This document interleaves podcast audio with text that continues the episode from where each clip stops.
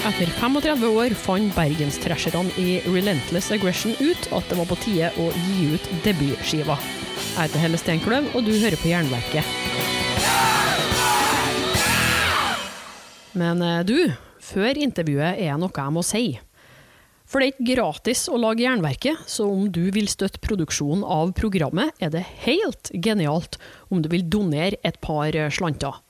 Det går an å trekke et fast beløp hver måned via patrion.com jernverket, eller gi en enkeltsum via VIPS nummer 567438. Informasjonen og lenkene står i episodebeskrivelser, og beløpet er selvsagt valgfritt. Bidraget går rett til Jernverket. Tusen takk for alt jeg har fått inn hittil. Jeg er takknemlig for hver eneste kron.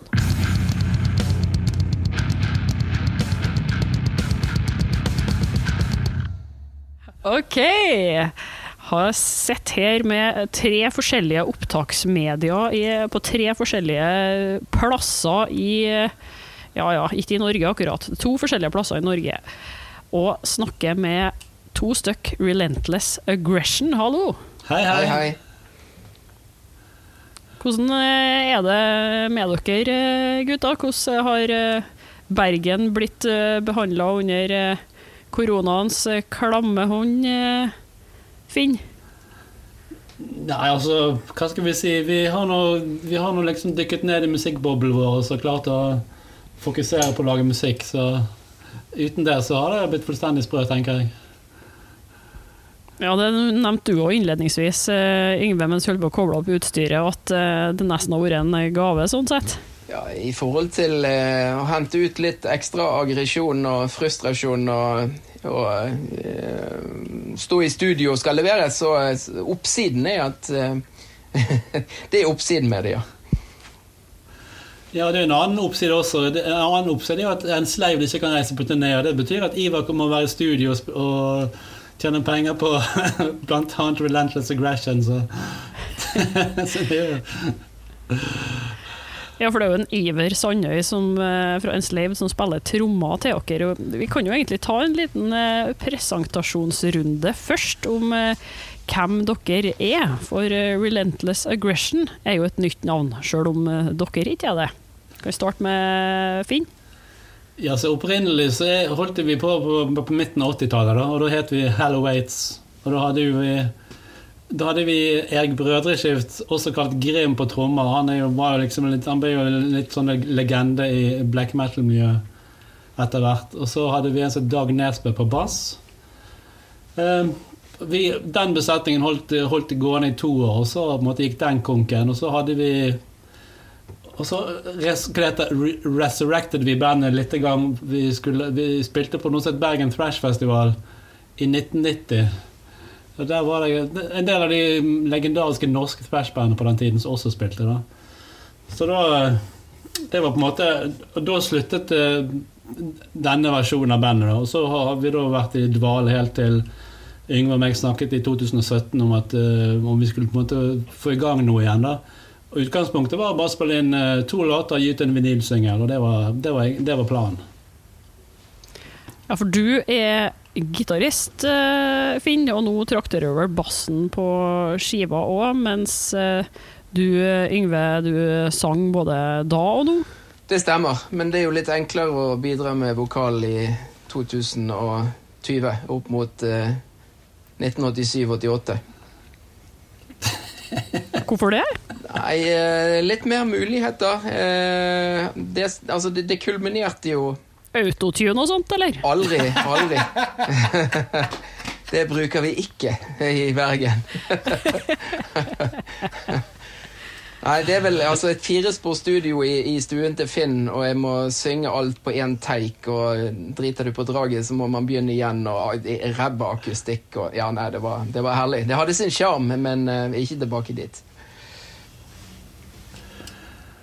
Men uh, altså, vi starta jo litt på de tidlige årene her, og jeg syns jo at vi må gå nærmere inn på eh, hver, eh, enkelt, uh, hver enkelt hendelse som du nevnte uh, der, Finn.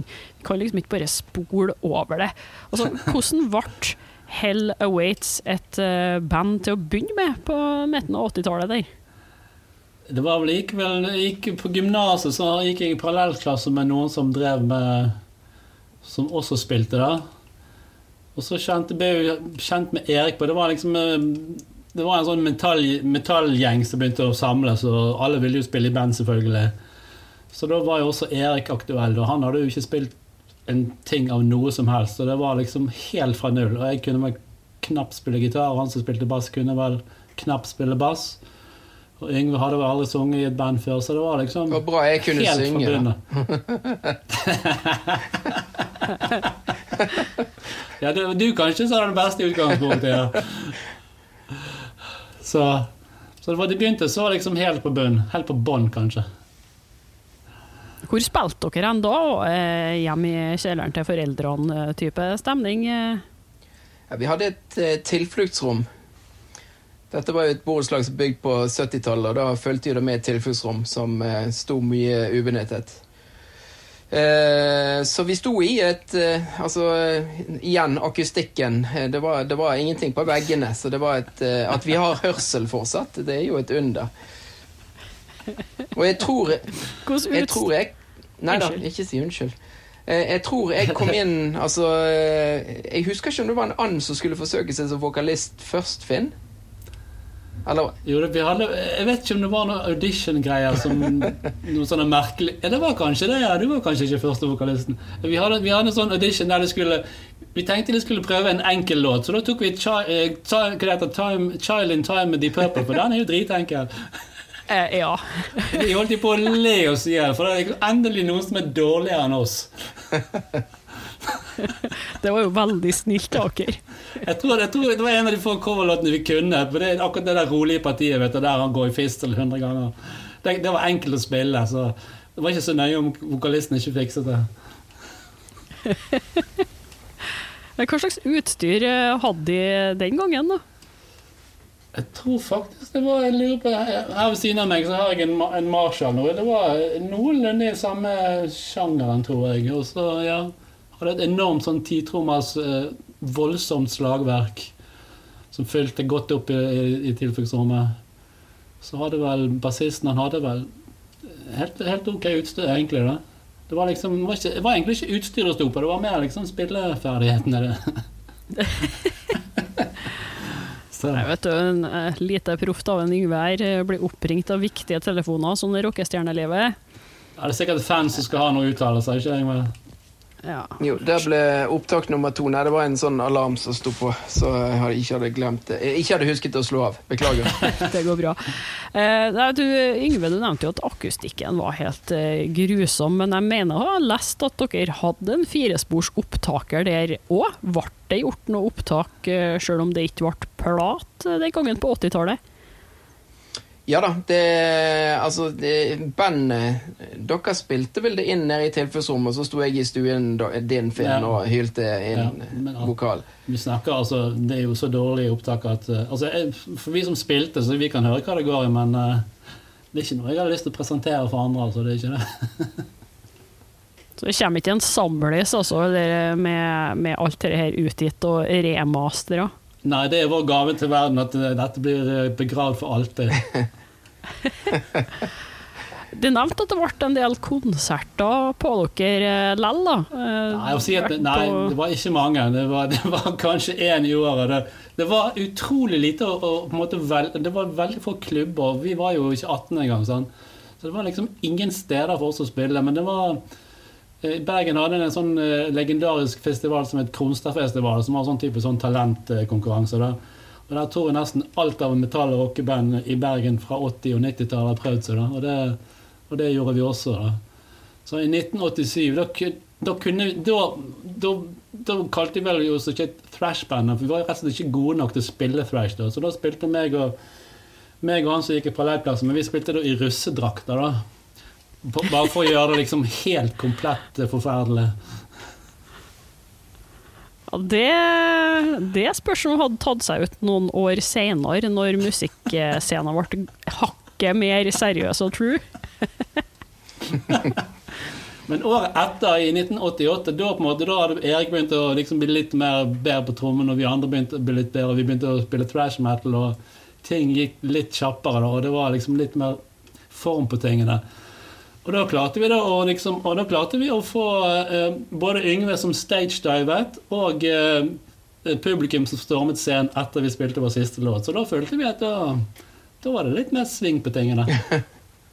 Ja, det må jeg si. Hvis de storma scenen for at det var så bra, så har du jo klart noe av det. Hva sier du, Yngve? Det var mest dine venner som stormet.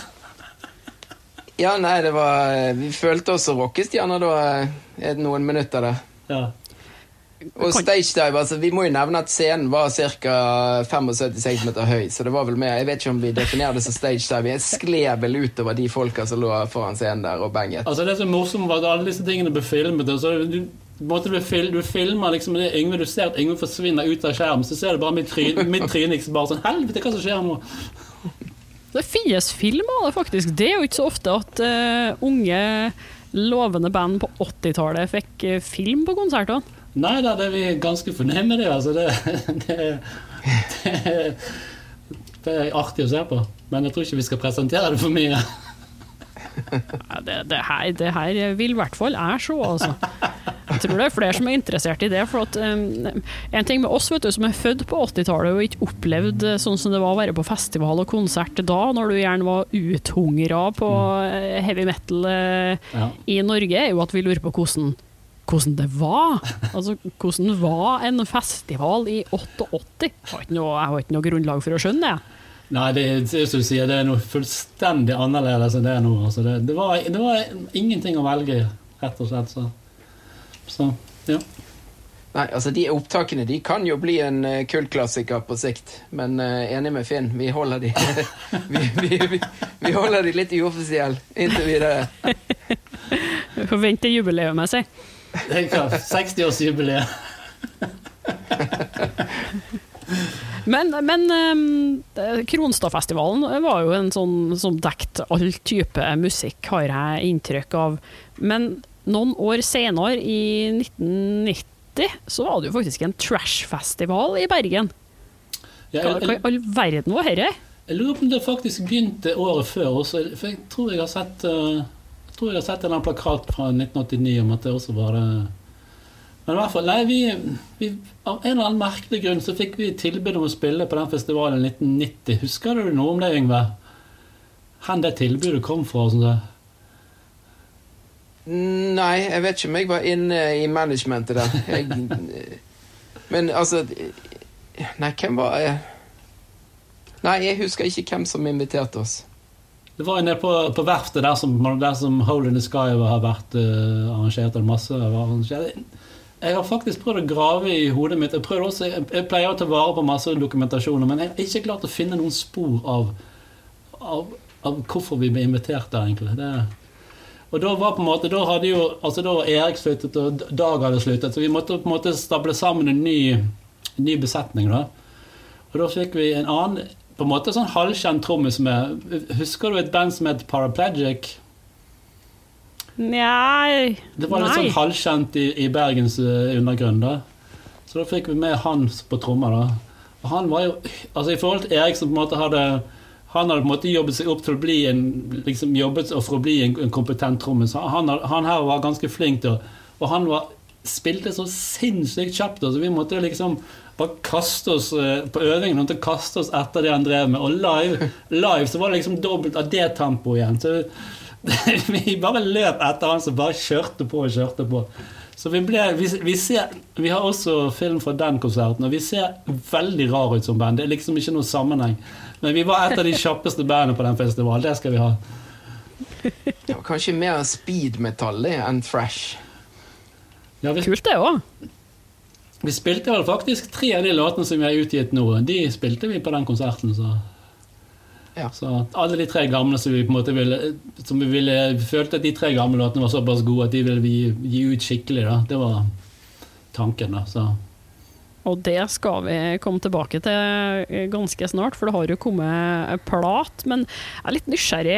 Jeg syns jo det er artig å høre om eh, Bergen sin musikk- og festivalscene og på 80- og 90-tallet. For det virker jo som det er en by der det har skjedd ganske mye innenfor den harde musikken bestandig. Husker du noe på om hvilke andre band som spilte på Trashfestivalen da? På den fest, jeg har faktisk, jeg, tok faktisk, jeg har en plakat hengende i gangen min.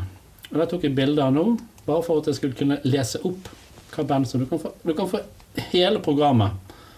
Skal vi se her. Eh, hvis vi klarer å Altså, på dag nummer én Det er tre, det var en tredagersfestival, faktisk. På dag Ja. Fredag, lørdag, søndag. Da, dag nummer én så var det Malaga, Last Caress, Sarcastic og Death Mission. Og Death Mission er vel et rimelig kjent band, hvis jeg ikke husker feil. Og på lørdagen da var det vi som begynte, og så var det Suffer, og så var det Witchhammer. Og på søndagen så var det Vedon og Suffocation. Ikke de amerikanske Suffocation, selvfølgelig. Og så var det Equinox. Equinox var vel de, kanskje de store på De var vel noen av de store norske på 80-tallet.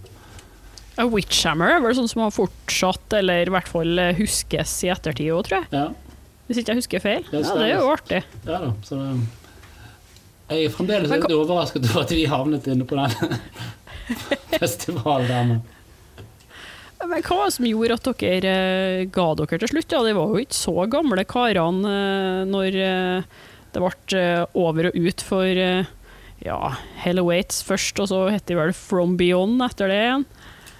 Det er litt usikker på. Den første besetningen den på en måte forsvant litt ut når jeg reiste i militæret i 80, 88.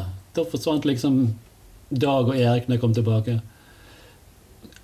Vet du noe om hvorfor vi sluttet der andre gang, Yngve? Ja, jeg dro jo i militæret Du også i militæret, ja? Ser du det? Ja, nå husker jeg ikke datoen der, men det var jo i etterkant av eh, holdt på å si, Thrash-festival og dette. Ja. Så da var jo jeg vekke plutselig et år. Det var rett og slett ikke noen flere å spille metall med, så jeg endte liksom opp med tiårsvis med å spille alternativ rock. da. Så. Men denne, liksom, denne der lysten til å, å spille flash metal har alltid ligget liksom, plantet i bakhodet. Og de gamle låtene har jeg tikket og gått i bakhodet. og tenkt, så, når Yngve begynte å spørre, spørre liksom, i 2017 om vi skulle gjøre noe sammen igjen, så tenkte jeg ja, nå må vi i hvert fall få ut de der gamle låtene. Da, så kan vi lukke den døren. da. Altså, de holdt dere som eh, aktive musikere innenfor andre sjangre mens det var i dvaleperioden, da. Ja. Jeg, Finn gjorde, ikke jeg. Ja, OK. Så du har bare sittet var- og hvila eh, stemmebåndene du, og venta? Nei, nei altså jeg, sp- jeg spilte med Finn eh, og noen andre i et, i et Det var mer igjen sånn skrangle pop-punk-band, alternativ-band i 94. 95-96, Ja. 94-95, Twigs. Ja. Uh, utover det så har jo jeg uh, altså latt stemmen hvile. Jeg har vel hatt noen sånne små eh, tulleprosjekter hjemme, men jeg har ikke, jeg har ikke vært i noe band, nei.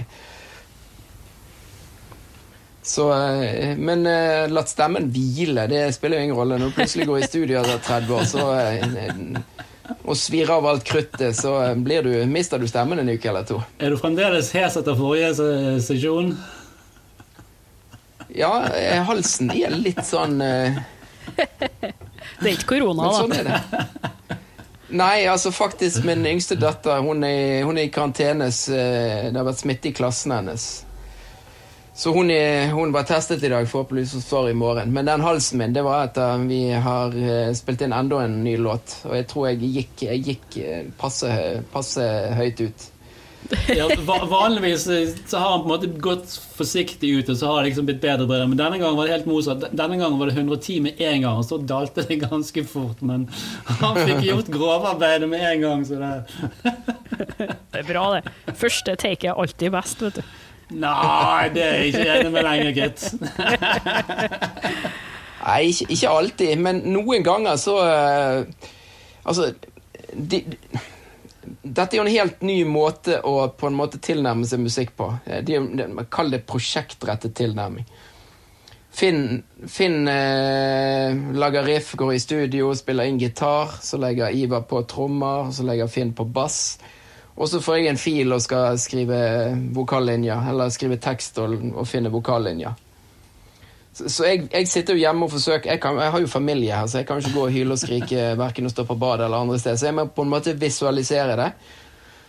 Eh, og noen ganger når jeg går i studio, så, så eh, altså, da sitter det med en gang. Og jeg har, jeg har noen første takes som jeg tror har fungert, mens andre ganger så må jeg gjerne bruke flere takes for å finne ut av Kanskje det passer ikke, det ble for mye. Men eh, den gangen, eh, det var, kall det, det var litt sånn eh, Det hadde vært litt høyt blodtrykk på jobb en stund, så jeg tror jeg hadde behov for å Det passet med å gå ut i 110 og, og liksom levere på første. Ja da, vi ble med. Nå fikk, du et, nå fikk du et langt svar her. Det er bra, det. Ja, vi, Men unnskyld, bare fortsett, du Finn. vi, både, altså, både meg og Ivar vi, hoppet litt i stolene da vi satt der inne i kontrollrommet liksom bare så at han kan, kan, Dette klarer han ikke å holde på med veldig lenge før han må bæres ut.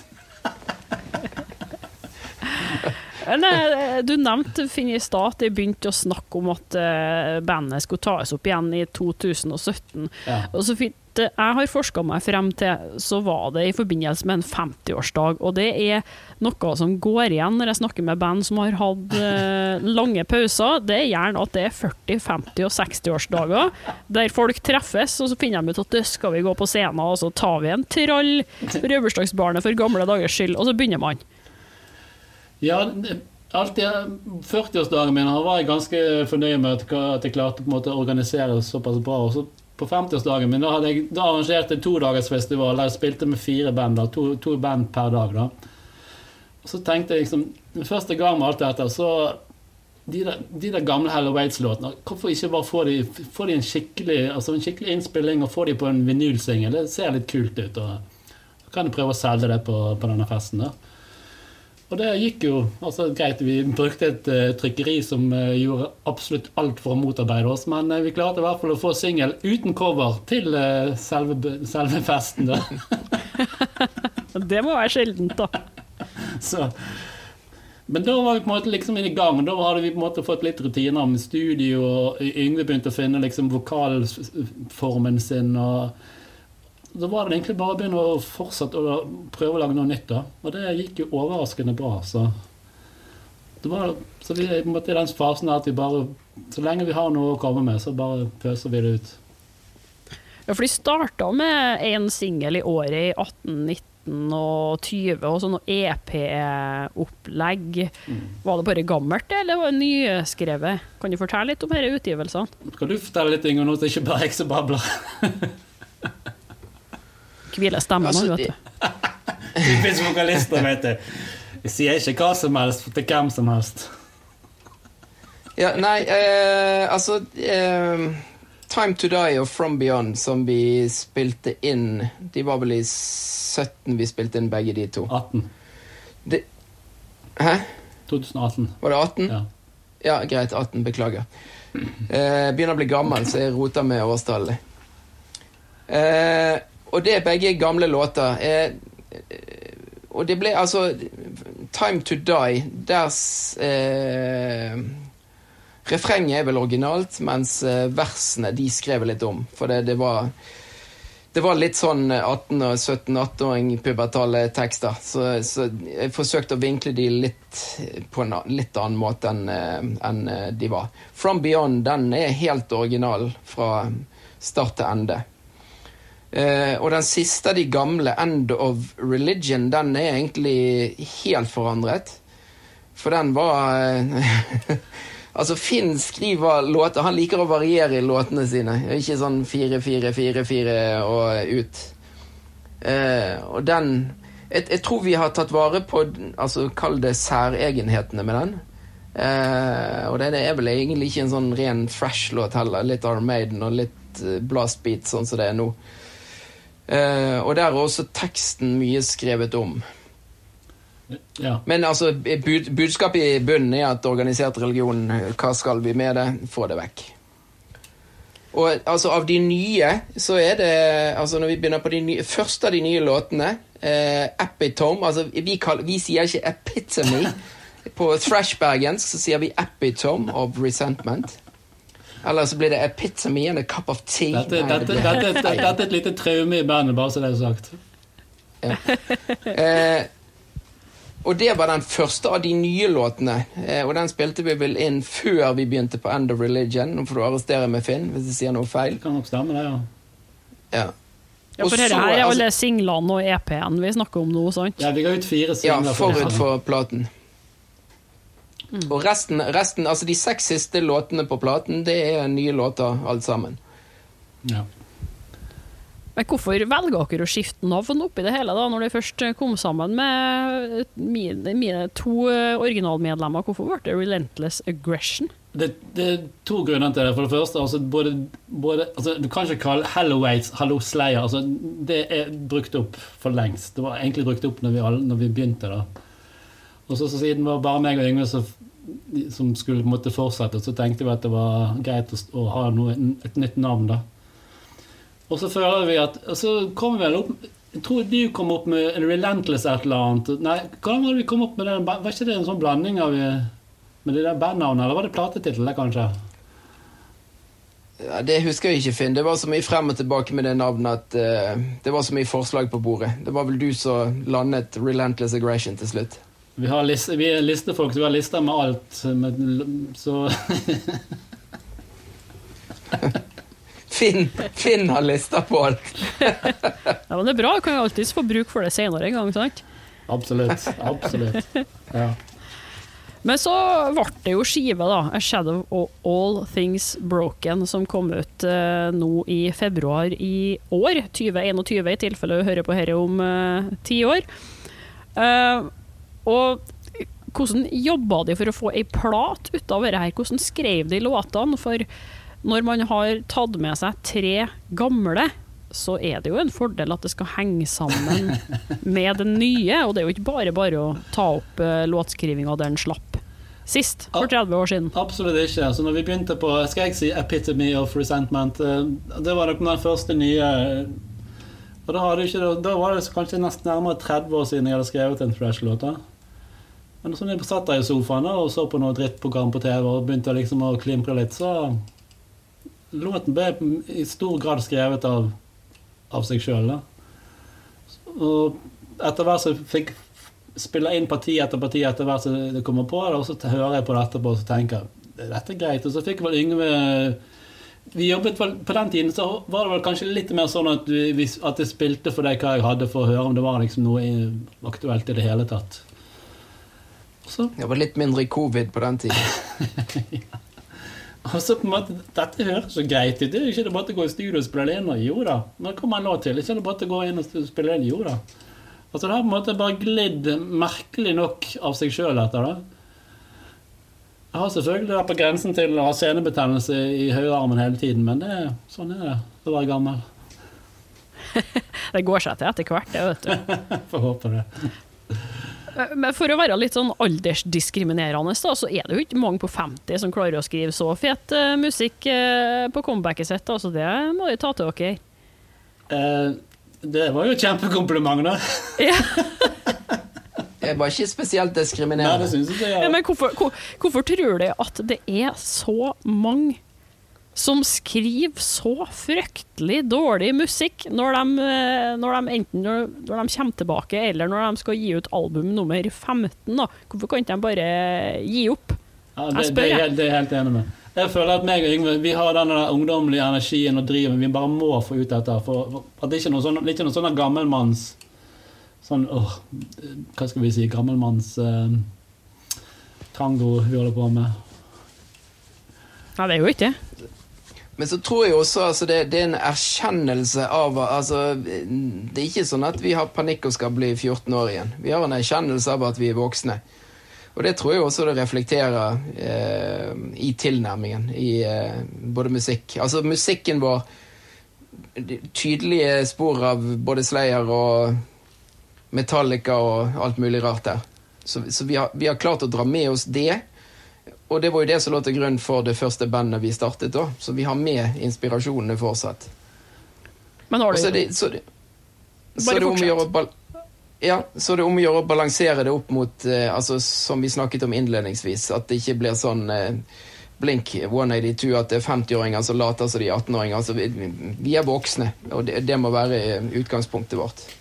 Så trenger ikke vi være flau for det, for vi har masse energi selv om vi er voksne òg. Ja, og så føler vi kanskje også at vi har putt, Det er ikke bare gammel thrash. Det er, vi hører på musikk hele tiden, og det er også, mange har jo påpekt at det er kanskje litt punkete og hardcoret og crossover også, så Ja, for det var egentlig oppfølgingsspørsmålet mitt her. eh, Når Yngve, du nevnte at jeg tar med inspirasjonene fra eh, Slayer og Metallica, men, men det har jo gått lang tid siden da òg, så man plukker vel gjerne med seg noen eh, nye inspirasjonskilder på veien òg, forhåpentligvis. Det er jo litt kjedelig å bli stående på 14-årsstadiet på favorittmusikken sin, tenker jeg.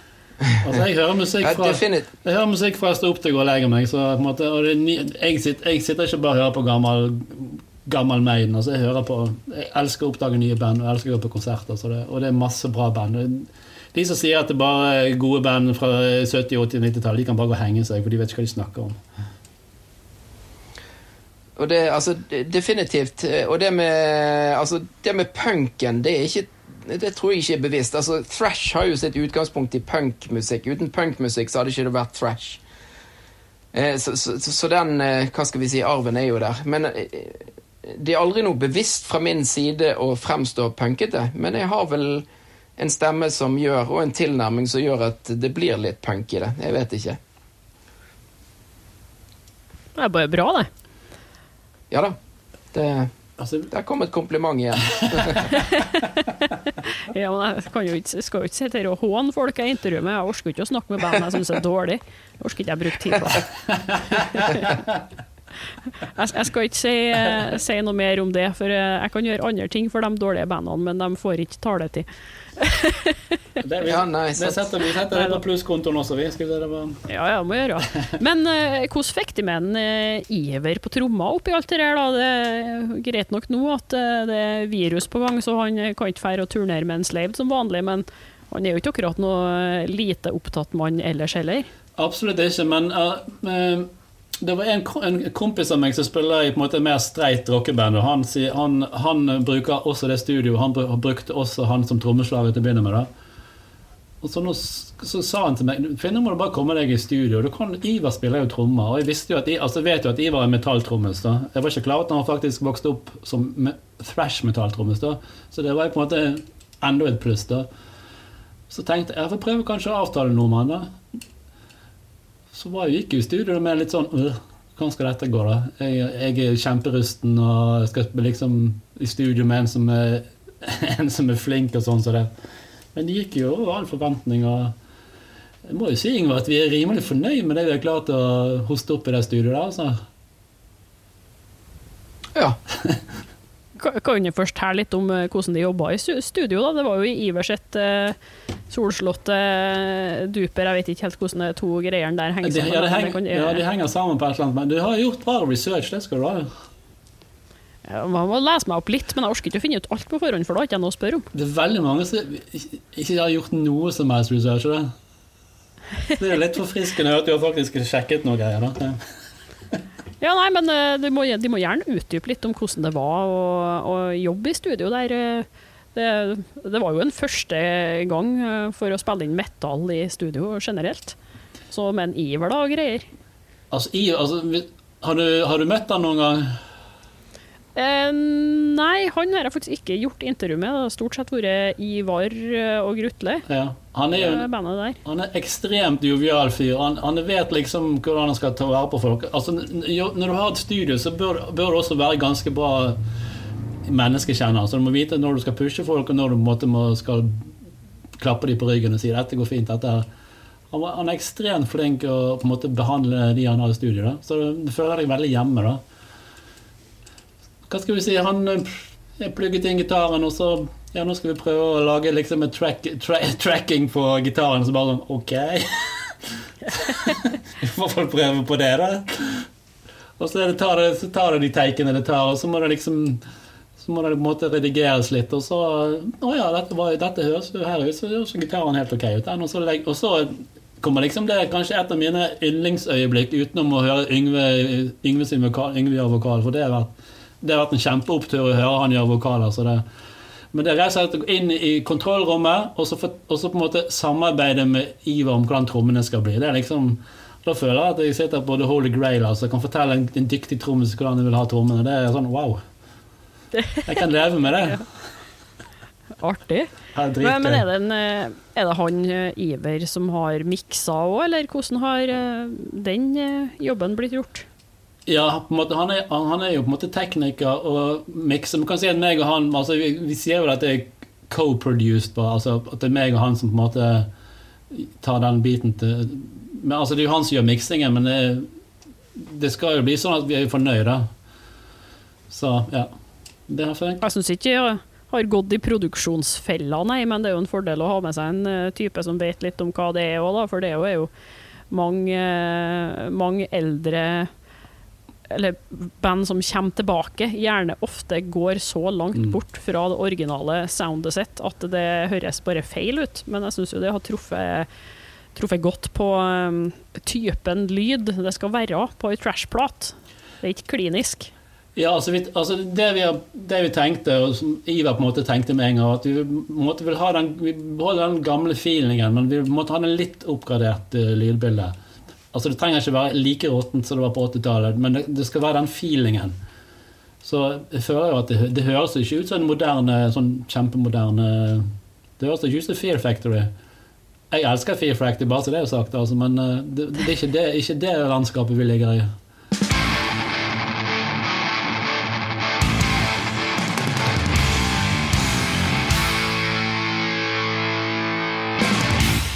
kan vi snakke litt mer om, um, om det tekstlige her. Altså, du har kalt plata for 'A Shadow of All Things Broken'. Hva legges i det?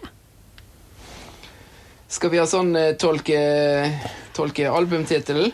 Yes, du trenger ikke gå så nøye inn på det. Ofte er jo det litt kjedelig, men Nei, altså uh, uh, Tenker at folk kan tolke og tyde tittelen litt sjøl. Altså det Hva var svaret jeg ga på et av disse her? Altså vi har aldri vært lenger fremme teknologisk, altså menneskeheten, men samtidig så er planeten vår på vei til å bli fullstendig overbefolket, og vi fucker planeten miljømessig og eh, behandler hverandre stort sett dårlig. Eh, så, så det er mye i verden som er i stykker, for å si det på norsk. Bruke det ordet.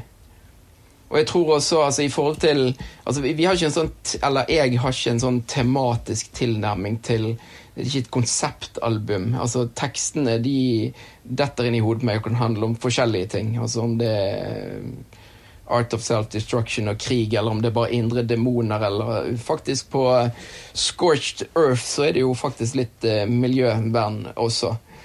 Så, så, så, det høres jo voldsomt dystopisk ut, men verden er jo litt sånn Verden er på skakke, for å si det rett ut. Og jeg har to døtre som, eh, som minner meg på det hver dag, om egentlig hvor på skakke verden er. Var det et greit svar? Ja, så lenge døtrene dine ikke minner på det i, i, egenskap av personligheten sin, så tror jeg det var et greit svar, ja. Dette må sikkert det en nybakt mor har lyst til å høre, ikke det? ja da. Ja. Nei da. Eh, jeg tåler, tåler alt det, altså, det er ikke noe problem. Jeg syns bare det var morsomt svart hvis man tolka det. Men jeg må Satt på spissen. Ja. Men jeg har eh, litt kritikk til dere òg, uten at jeg skal gå sånn ramsalt ut på det. Men eh, for å si det pent, så er det kanskje plateomslaget av det mer utypiske, da. Du ser ikke at det er et uh, trash metal-band. Det er kanskje mer sånn OK, et eller annet hardcore med hvite bakgrunn og blokkbokstaver og et svart tre og røv tekst. Det er ganske, ganske enkelt. Og det, det sier ikke så mye om hvordan dere er som band, eller hva musikken er for noe. Hva er tanken bak det her, egentlig? Det kan kanskje være litt villedende for folk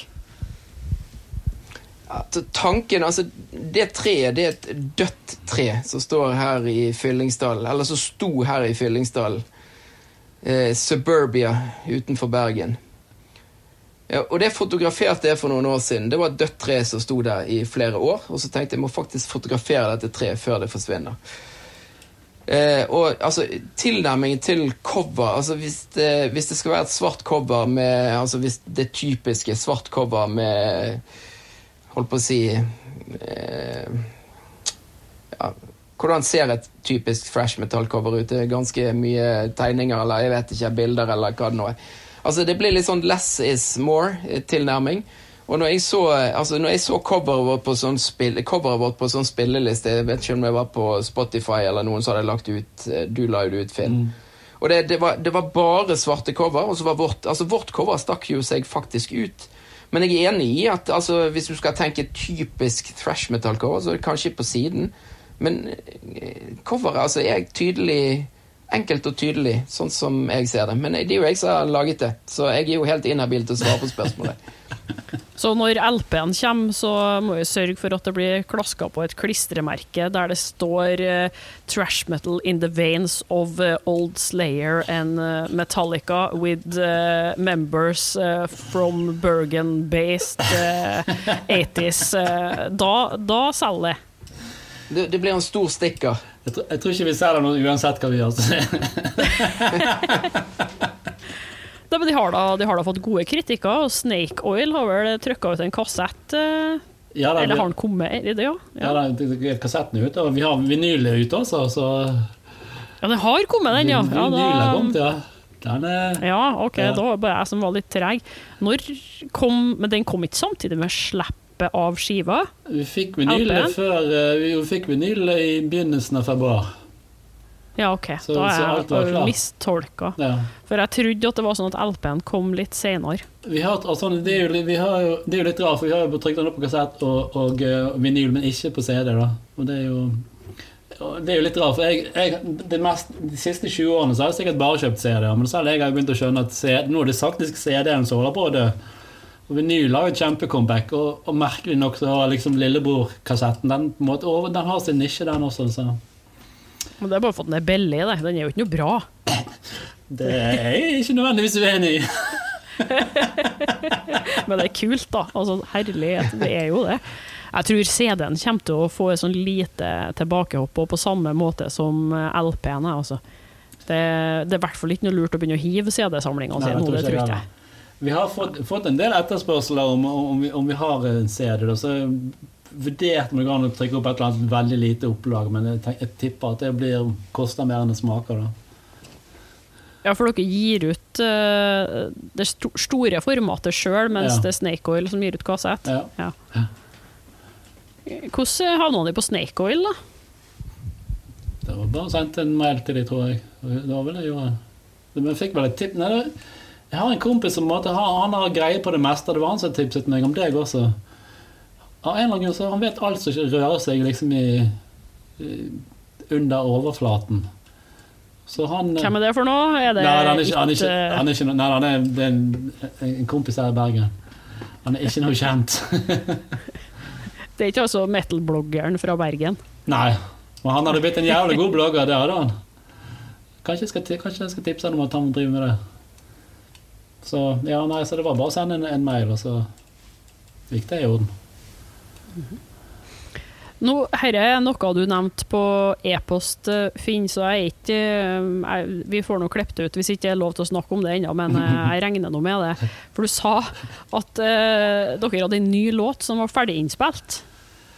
Ja, eh, der fikk Altså, når du hadde den konkurransen med oss, eh, så det var jo veldig takknemlig for at du på en måte gadd å gjøre det.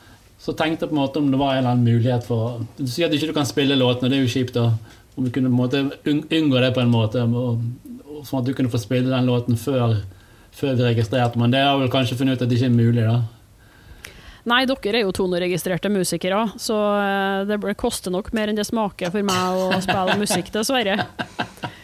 Eh, Jeg har ikke lyst til å pådra meg tonobøter når jeg allerede er i minus eh, ved å drive podkast, så Men, men eh, nok, nok om det. det. Den låta den skal jo komme ut på, på noen form for samlis. Ja. Vil du si litt om det? Ja, vi har en sånn Av alle ting så heter den Real punk rock music is not on the radio. Vi har, vi har liksom blitt litt akseptert i litt sånn punk rock-miljø også. Da. Det er kanskje det å snakke om denne punke-energien vår. da. Det er en kar her i Bergen som har drevet, han har drevet spilt i punkeband i, i 30 år. Han har hatt liksom hele denne Blitz-ruten i Europa og sånn som det er. Og han gir nå ut sånne, sånne samleplater. Nå, det er vel nummer åtte som skal komme nå, da. Så vi skal være med på, vi skal være med på den, da. For det er sånn at bandet kjøper, kjøper kjøper seg inn, og så får de 25 eh, vinyler, eller sånt, det, sånn at en måte, alle kan gå i overskudd. Og det er egentlig en ganske kul greie. da. Hva heter skive, samleskivene her, da? Uh, real, real, punk, real punk rock music is not on the radio. Det, vel- Ja, det var det vel du sa, ja. Da har vi fått gjentatt det, så folk får tak i det hvis de Ja. eh, vil. Så da, da, da, og da Nå følte vi at vi var litt i siget, så vi hadde liksom et par låter til på gang. Så nå eh, Det er den låten som Yngvar skreket seg hes på, da. Den er punkete. Den er Ja, det er litt den er litt thrashete også, da. Jeg syns jeg er litt sånn skikkelig sånn Veldig sånn kjapp melodiøs. Nesten sånn eh, Jeg ser det står Exodus bak deg der. Litt sånn kanskje Ja. Ja, ja, ja. ja. Det er en eh, Skal vi se her, da. En eh, gammel Priest-plakat. Det. Eh, konsertplakat med Exodus Annihilator på Skandinavium i Göteborg I ut, i 91. høres ut som en grei kveld, det. Men der kan ikke du ha vært. da. Nei. Det, da hadde jeg sittet på skuldrene eh, til en eh, Men en farsan er ikke noe begeistra for fuzzgitar. Han er så gammel at eh, det er 60-talls shadowmusikk som gjelder, så det hadde ikke skjedd, nei.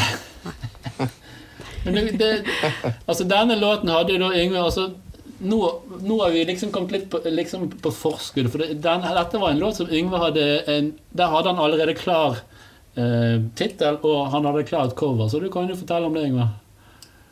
Ja, til samlisten, eller neste Altså, der, vi, skal, plate vi, skal, nei, vi skal gi ut den som singel også, da. Først gir han ut på, Ja, og så gir ja. han ut som singel. Ja, nå må vi fortelle Yngve. American Carnage.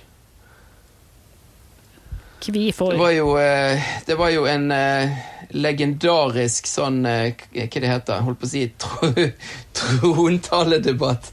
Men når de amerikanske presidentene holder den Hva det heter da? In, inauguration speak? Speech? Ja, altså innsettelsestalen, Ja. eller? Ja. Ja, når, når Donald holdt det mest Vi har nevnt ordet før, men det mest dystopiske, mørkeste eh, presidenttalen ved innsettelse ever. Og da brukte han vel ordene 'American carnage', han- 'We gotta stop this American carnage', men han har jo han har jo ikke stoppet noe som helst. Han har jo helt bensin på bålet, sånn at uh, 'American carnage' eh, det, det, det har jo bare ja, eksplodert på alle fronter. Eh, polarisering og så videre. Så, så den, den eh, Jeg husker ikke når jeg kom på den tittelen. Det var ikke i Når han ble innsatt? I 2016-2017? Det var ikke da. Men han datt inn nå eh, altså, i forbindelse med eh, valgkampen og alt. Altså eh, hans eh, manglende evne til å innse tapet sitt og alt styret han lagde som endte med stormingen av Kongressen. Så det, det måtte vi feire med en sang. Men, men hvorfor er dette egentlig så interessant for oss nordmenn generelt? Altså det står jo mer, det står mer om det amerikanske valget i mediene det siste året, og om Trump, enn det står om norsk politikk, nesten. Hvorfor eh, amerikansk politikk og dystopia fremfor eh, det norske? Er jeg for kjedelig her, eller? Norge altså, ja, altså Norge er en oljedopet uh, lite lykkelig land der alle altså, Så lenge det varer, ja. alle, alle har det bra i Norge. Alle har et sted å bo, og alle har penger og eh, velferdsstat. Altså velfungerende, misforstår meg riktig. USA er et fascinerende land, for det er et land som Altså all kulturen Eh, maten, produktene Vi har alltid sett opp til USA. USA har vært den viktigste støttespilleren for den vestlige verden. Så når USA vakler, sånn som vi har opplevd at det har gjort de siste fire årene, så har vi fire millioner USA-eksperter i Norge som eh, har sin mening om det. Så jeg tror vi er, jeg tror vi er fascinert av USA. Ja, det må være det, for jeg har ikke sett at det kommer noe mye konseptalbum om eh, Myanmar og Nigeria de siste årene eh, heller. Nei, nei. Ikke i Norge, i hvert fall. Ja, vi har en sang om Boko Haram òg. Det kommer på neste. Nei, det er bare tull. det, det hadde vært noe, det. Er det noen som skulle ha hatt smekk på pung, så er det Boko Haram. Ja. Nei, men de dekker vi med End of Religion, tror jeg. Ja, for det er jo ikke bare kristendommen som skal endes, selvfølgelig. Den har vi jo egentlig tatt livet av i, i Norge, så nå er det resten av religionene som skal ta livs. Ja, altså, det, altså, det, altså personlig Jeg tenker liksom at, at tro, tro det er det samme som musikksmak. Det er en personlig greie. Det er Problemet når du skal begynne å organisere det, sånn at alle skal gjøre sånn, alle skal gjøre sånn. Det er da det på en måte begynner å gå, gå til helvete. Men der sliter vi nå, vet du, for at når religion som vi kjenner igjen med verdensreligionene og mer sånne små eh, druide- og naturreligioner, altså når de forsvinner, så har du jo eh, det store verdensveven da, og QAnon og kompani der. Og det tror jeg er en, eh, en eh, skogbrann som er vanskeligere å, å slukke, faktisk. Og For der kan du bare stå og skrike inn i ekkokammeret ditt. Ja da, og tror du vi har nevnt, tror du vi har nevnt hva, heter det, hva heter de der jævla gærningene, Yngve? De, de som du sa, Kanon eller hva faen heter? Kuanon, ja. ja. De, de, får, de, Men- de, men- får, de er med i de er med i American Carnage, de òg. ja da. Det er bra, Men det, det. det er igjen det der. Det, det er igjen det der. Det er helt det, det, det er helt på trynet, men det er superfascinerende at Altså, vi er så langt fremme teknologisk. Og så har du eh, Altså millioner som tror på helt syke teorier om at altså, eh, USA styres av eh, pedofile kannibaler, og jorden er flat, og QAnon har en plan. Altså, det, det, det, er helt, det er helt over styr, og folk tror på det. Så hadde vi, hadde vi fjernet religionen, så eh, det, altså, det hadde vært nok syke ting. Folk hadde hengitt seg til konspirasjonsteori og andre ting. Dessverre. Altså, Relentless Aggression hadde jo ikke hatt noe å skrive neste plate om, da, hvis vi bare la ned alt som var tullete. Nei, Vi hadde byttet navn til, til Relentless Love. Ta på slengbuksene og blomsteren med en gang. Nei. Men da, jeg tolker det som at de da egentlig er godt i gang med å lage eh, musikk, så det kan bli en ny plate uh, senere, da. Ja, det, det går den veien, altså. Det, riffene popper ut av den gitaren stadig vekk. og er stadig vekk i studio, så det må jo være et mål å gjøre en, en, en, eh, et album som er bedre enn den første.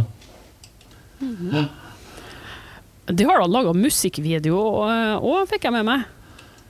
Kan du si litt om det? Yngve har jo Yngve som har laget to av de, så han kan si veldig mye om det. Jeg håper. Ja, det Time to Die og eh, Resentment eh, er vel de to eh, vi har laget, eller jeg har laget. Og det er jo eh, eh, Altså, å lage videoer det er jo ikke noe enkel greie, og det tar mye tid. Og altså, hadde jeg vært eh, holdt på å si eh, kun musiker og hatt kun musikk, så er det én ting. Men så samtidig er det gøy å snekre sammen noen videoer, så lenge du har tiden, tiden til det. Men så blir det alltid å balansere, da, for det blir ofte ambisiøst. Skal vi leke litt med noe tekst eh, som er timet i videoen, og finne noe, stjele noe klipp på internett? Og, altså, alt, alt, alt tar tid. Og så eh, nummer to, det var jo meg og Finn med. Og vi, vi skal vel se litt sånn skumle ut, men vi klarer vel ikke helt å se helt skumle ut. Så vi sliter litt der. Vi klarer ikke å se ut som sånn djeveldyrkende gærninger. Vi er vel så gamle at vi, vi, Men, vi, eh, vi trenger ikke å se, hverken se eller være skumle lenger. Trenger vi det? Vi har aldri vært det heller. Berg Bergensere er for joviale. Ja, nei, jeg vet ikke. Så jeg har, jeg har eh, ett konsept til. Jeg har en drone. Så da skal jeg dra Finn eh, med meg opp på Blåmannen i Bergen. At vi, så flyr vi litt eh, drone. Ellen, Ellen Walker han var jo på Ulriken, så den er jo oppbrukt. Så da må vi ta Blåmannen. Ja, det er mer originalt. Det er mer originalt. Ja. Litt mer heavy metal. Ja, jeg syns det. Og så fikk jeg òg med meg at de har klart å lurt inn en pakke i Zero Tolerance-magasinet her nå nylig. Mm. Ja, Hva er bakgrunnen eh, til herre? Altså, Man må jo prøve å eksponere seg, og da, da, der var det en mulighet til Zero Tolerance. Og det er jo på en måte et anerkjent blad, så Så fikk vi Ja, hvordan da? Altså, hvordan fikk dere muligheten? det, det er så simpelt at vi har kjøpt oss inn der. Jeg skal ikke nekte på det. Men vi fikk, et, altså, vi, sånn, vi fikk et tilbud fra de om vi var interessert i å kjøpe oss inn i, i bladet. da. Det først og fremst handler det om med på den der uh, sampleren. da. Og jeg har jo, altså jeg har jo I alle disse årene jeg har spilt i band, så har jeg lurt på hva i verden skal man eksponere seg sjøl. Jeg har brent mye penger på, på en måte, helt meningsløse ting. da. Så tenkte jeg å komme med på en sampler i stort blad, det må nå kanskje være én måte å gjøre det på. da. Så det var, det var et eksperiment, da. Og så kom det litt mer ting på kjøpet i samme slengen, at vi fikk en noe anmeldelse og fikk en annonse der og sånt. Så det, så. Ja, Det blir artig å se effekten etterpå. ja da, det er, det er veldig vanskelig å måle disse effektene. Det er jo så, altså det er så sinnssykt mange band ute der. og det, er litt problemer med å, å vite hvordan man skal liksom komme igjennom. Vi har jo fått egentlig ganske mye oppmerksomhet på dette på albumet vårt. Spesielt i Norge. Der tror jeg nesten det er nesten overrasket over hvor, mye hvor mange det har vært interessert i å, å skrive om det. Så ja. Men tror du at de får sjansen til å spille live noe senere, da, nå når de har med en såpass stor trommis, så skal vel Enslaved ut med en gang det er mulig, sikkert for å håve inn eh, kronasjen, men eh, blir det tid, blir det tid for dere å spille? Vi, vi må jo få se dere. Altså Det blir nok ikke med Ivar, for han er, altså, han er studiotrommis for oss. Så jeg tviler på at det blir Ivar. Så, så skal vi spille live, så må vi ha en, en som er på hans nivå. Så det er på en måte det er den største bøygen, tenker jeg. Å få en Spiller thrash metal, så må du ha en drita god trommis. Sånn er det bare. Altså det, vi kjenner vel ikke, kjenner vel ikke Vi kjenner vel egentlig ikke så mange trommiser som er på det nivået der. problemet er vel at de fleste trommisene spiller i 1000 Ja. band, og hvis de skal ha en ny audition da, med Child in Time som utgangspunkt, så, så spørs det om de får det de leter etter i en trommis. Så du husker det? Så det, var et, det var et vinnertrekk, det var den låten der. Hvis de kan, eh, hvis de kan Child in Time, så er de med. Ja, men da har vi kontaktannonsen klar. Det er bare å ta kontakt via Jernverket, så skal jeg formidle til en Finn Solemdal og en Yngve Eide i Relentless Aggression. Ja da, vi, vi, altså, vi, altså, vi er ikke fremmed for å spille live, men vi ser at det er, på en måte, det en, det er en bøyg å komme opp For det, det skal ikke være noe rølpegreier. Altså, da, da skal det være tight og bra, og det, det er jo ikke gjort på en dag. Så. Og det er jo en grunn til at uh, meg og Finn har vært på Klasse Olsson i Bergen og kjøpt ducktape og eh, finlandshetter og litt sånn, sånn at vi kan vi kan rett og slett kidnappe Ivar hvis det er behov for det. Du slipper ikke løs før du har spilt konsert i kveld. Glem du få var bra. Ja. Men eh, nå eh, begynner jeg snart å gå tom her, og jeg ser på opptakeren at vi bedre har klart å holde det gående i en time, og det syns jeg er bra til at det er et band som har gitt ut ei plat. Det, det skal dere ha, ha takk for, men vi er jo nødt til å trykke inn en klassiker som er med i alt av Jernverket-intervjuer, og det er den såkalt gode historien. Eh, hvert eneste band har jo vært borti en eller annen situasjon som man eh, husker godt, uh, flirer av, gremmes over, skjemmes over. Eh, det kan egentlig være hva som helst, om det er artig, tragisk eller i Spinal Tap-land. Har de et eller annet sånt? Det går an å dele med oss om det skjedde på 80-tallet eller nå i går. Det er ikke så farlig. Jeg syns vi har fortalt mange historier allerede, men eh, kommer du på noe Yngve, sånn utenom det vi har eh, lirt av oss nå? Så, som vi skjemmes over. Jeg har vel glemt alt det jeg skjemmes over fra 80-tallet. Ja, det er jo fordel, fordel å være gammel. Da. Kan vi bare trekke et glemselens slør over det. Nei, altså eh, Nei, altså det, det nærmeste jeg kommer på, det var at uh, vi spilte Det var med Twigs. Og da hadde vi en konsert på noe som heter Kvarteret i Bergen, og dette var midten av 90-tallet. Eh, og da bodde jeg i en, i en, i en leilighet, toppleilighet midt i byen. Og jeg tror vi hadde med oss Jeg husker ikke hvor mange som var med på det nachspielet. Og når jeg våknet om morgenen, så var det, det var litt uklart eh, litt av natten og sånn. Og det jeg vasset i folk overalt. Det var sikkert 40 stykker som lå rundt i hele leiligheten. Og det var, det var igjen denne der du føler deg litt så rockestjerne i to minutter før, eh, før eh, Ok, da begynner det virkelige livet igjen. Men altså, det var ikke noe, det var ikke noe eh, Altså, det var ikke noe flaut, eller noe. Det var bare helt fascinerende, hele situasjonen. Å våkne til et hus fullt av eh, folk. Ingen hadde rasert noe, ingen hadde stjålet noe.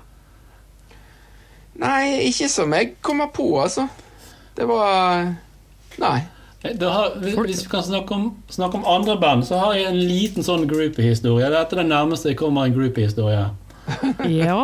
Ja, um, det, det var vi spilte på Garasje, og så var det etter vi hadde spilt, så var det et par, eh, par typer som kom liksom ned eh, Eller det var kanskje opp på det bandrommet og liksom hang med oss. Og jeg satt og hadde med en sånn liten, sånn, sånn, en liten flaske med sånn gammeldansk uh, greie. da Så satt jeg og drakk på den, og så Og så når den jeg hadde klart å tømme den, så spurte han Kan jeg få den flasken av deg. Det er min lille Det, det er nærmest vært en groupie-historie. Åh, det minner meg litt om eh, når jeg fikk eh, en slurk av eh, vannflaska til Timo Kotipelto fra Stratovarius eh, på rad 1 en gang. Den, eh, Ja, mens de, spilte, altså, mens de spilte mens de spilte, ja, så delte han ut vann til publikum, Ja. og så var det svinmær attmed meg som tok flaska. da. Oh, Ja. Eh, Så jeg fikk ikke, jeg fikk ikke selve flaska, men jeg fikk drukket av henne, ja. Jeg trodde, jeg trodde det der med metalljustis Gud, for at du var ganske ung nå, eller? Ja da, det, det var trodde- ja. tidlig i metal-konsertkarrieren min. jeg jeg her, den metalljustisen hadde bare liksom sagt at den unge dama de skal få ha få sånne ting i fred. Så får, får vi, gamle, Ja. vi gamle griser, gamle gubber, vi får, vi får klare oss med andre ting. Altså det. Ja, nei, jeg var alene vet du, på konsert i Finland, og ingen der som kjente meg, så de brydde seg vel mer om hun andre svinmæra, så hun skulle få flaska. Ja, det var en dame som fikk den, altså. Ja, det var ei dame, Ok, ja. det var i hvert fall litt bedre, det, så da. det er jo greit. Ja. Det var ei sur ei, så jeg syns det var heller jeg som skulle ha det, ja. ja. Nei da. Da er det, jeg vet ikke om det er noe eh, dere har holdt skjult for meg som jeg ikke har eh, fått lurt ut av dere eller eh, spurt om, eller om vi skulle sagt oss fornøyd. Ja, jeg syns det har vært riktig så trivelig, dette. Ja, her har vi vært åpne og ærlige. Ingen, ingen skjulte kort her. Det er bra. Best for dere. See you in court.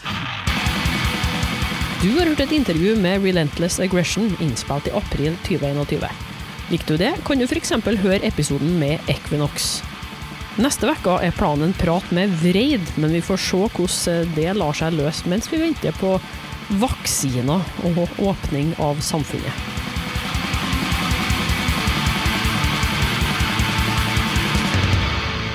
Hvis ikke du er blant dem som gjør det allerede, så må du abonnere på Jernverket podkast, enten via podkastapp eller på jernverket.kom. Fortell alle du kjenner om podkasten, legg gjerne igjen ei god anmeldelse der du hører, og vil du bidra med noen kroner for at jeg skal kunne fortsette, så kan du gi støtte fast via Patrion eller et enkeltbeløp på VIPS. Info i episodebeskrivelser. Og husk på å følge Jernverket på Instagram og Facebook for konkurranser, diskusjoner og musikktips. Akkurat nå kan du vinne Nattefrost-kassett fra Katakomben, siste skiva til Avertia og Linn Halvorsrød si bok 'Påskeaften 1996' om Dark Throne, Dissection og Satyricon på Rockefeller. Jeg heter Helle Steinkløv og kjører på med et nytt eller gammelt hardrockintervju hver fredag. Snakkes!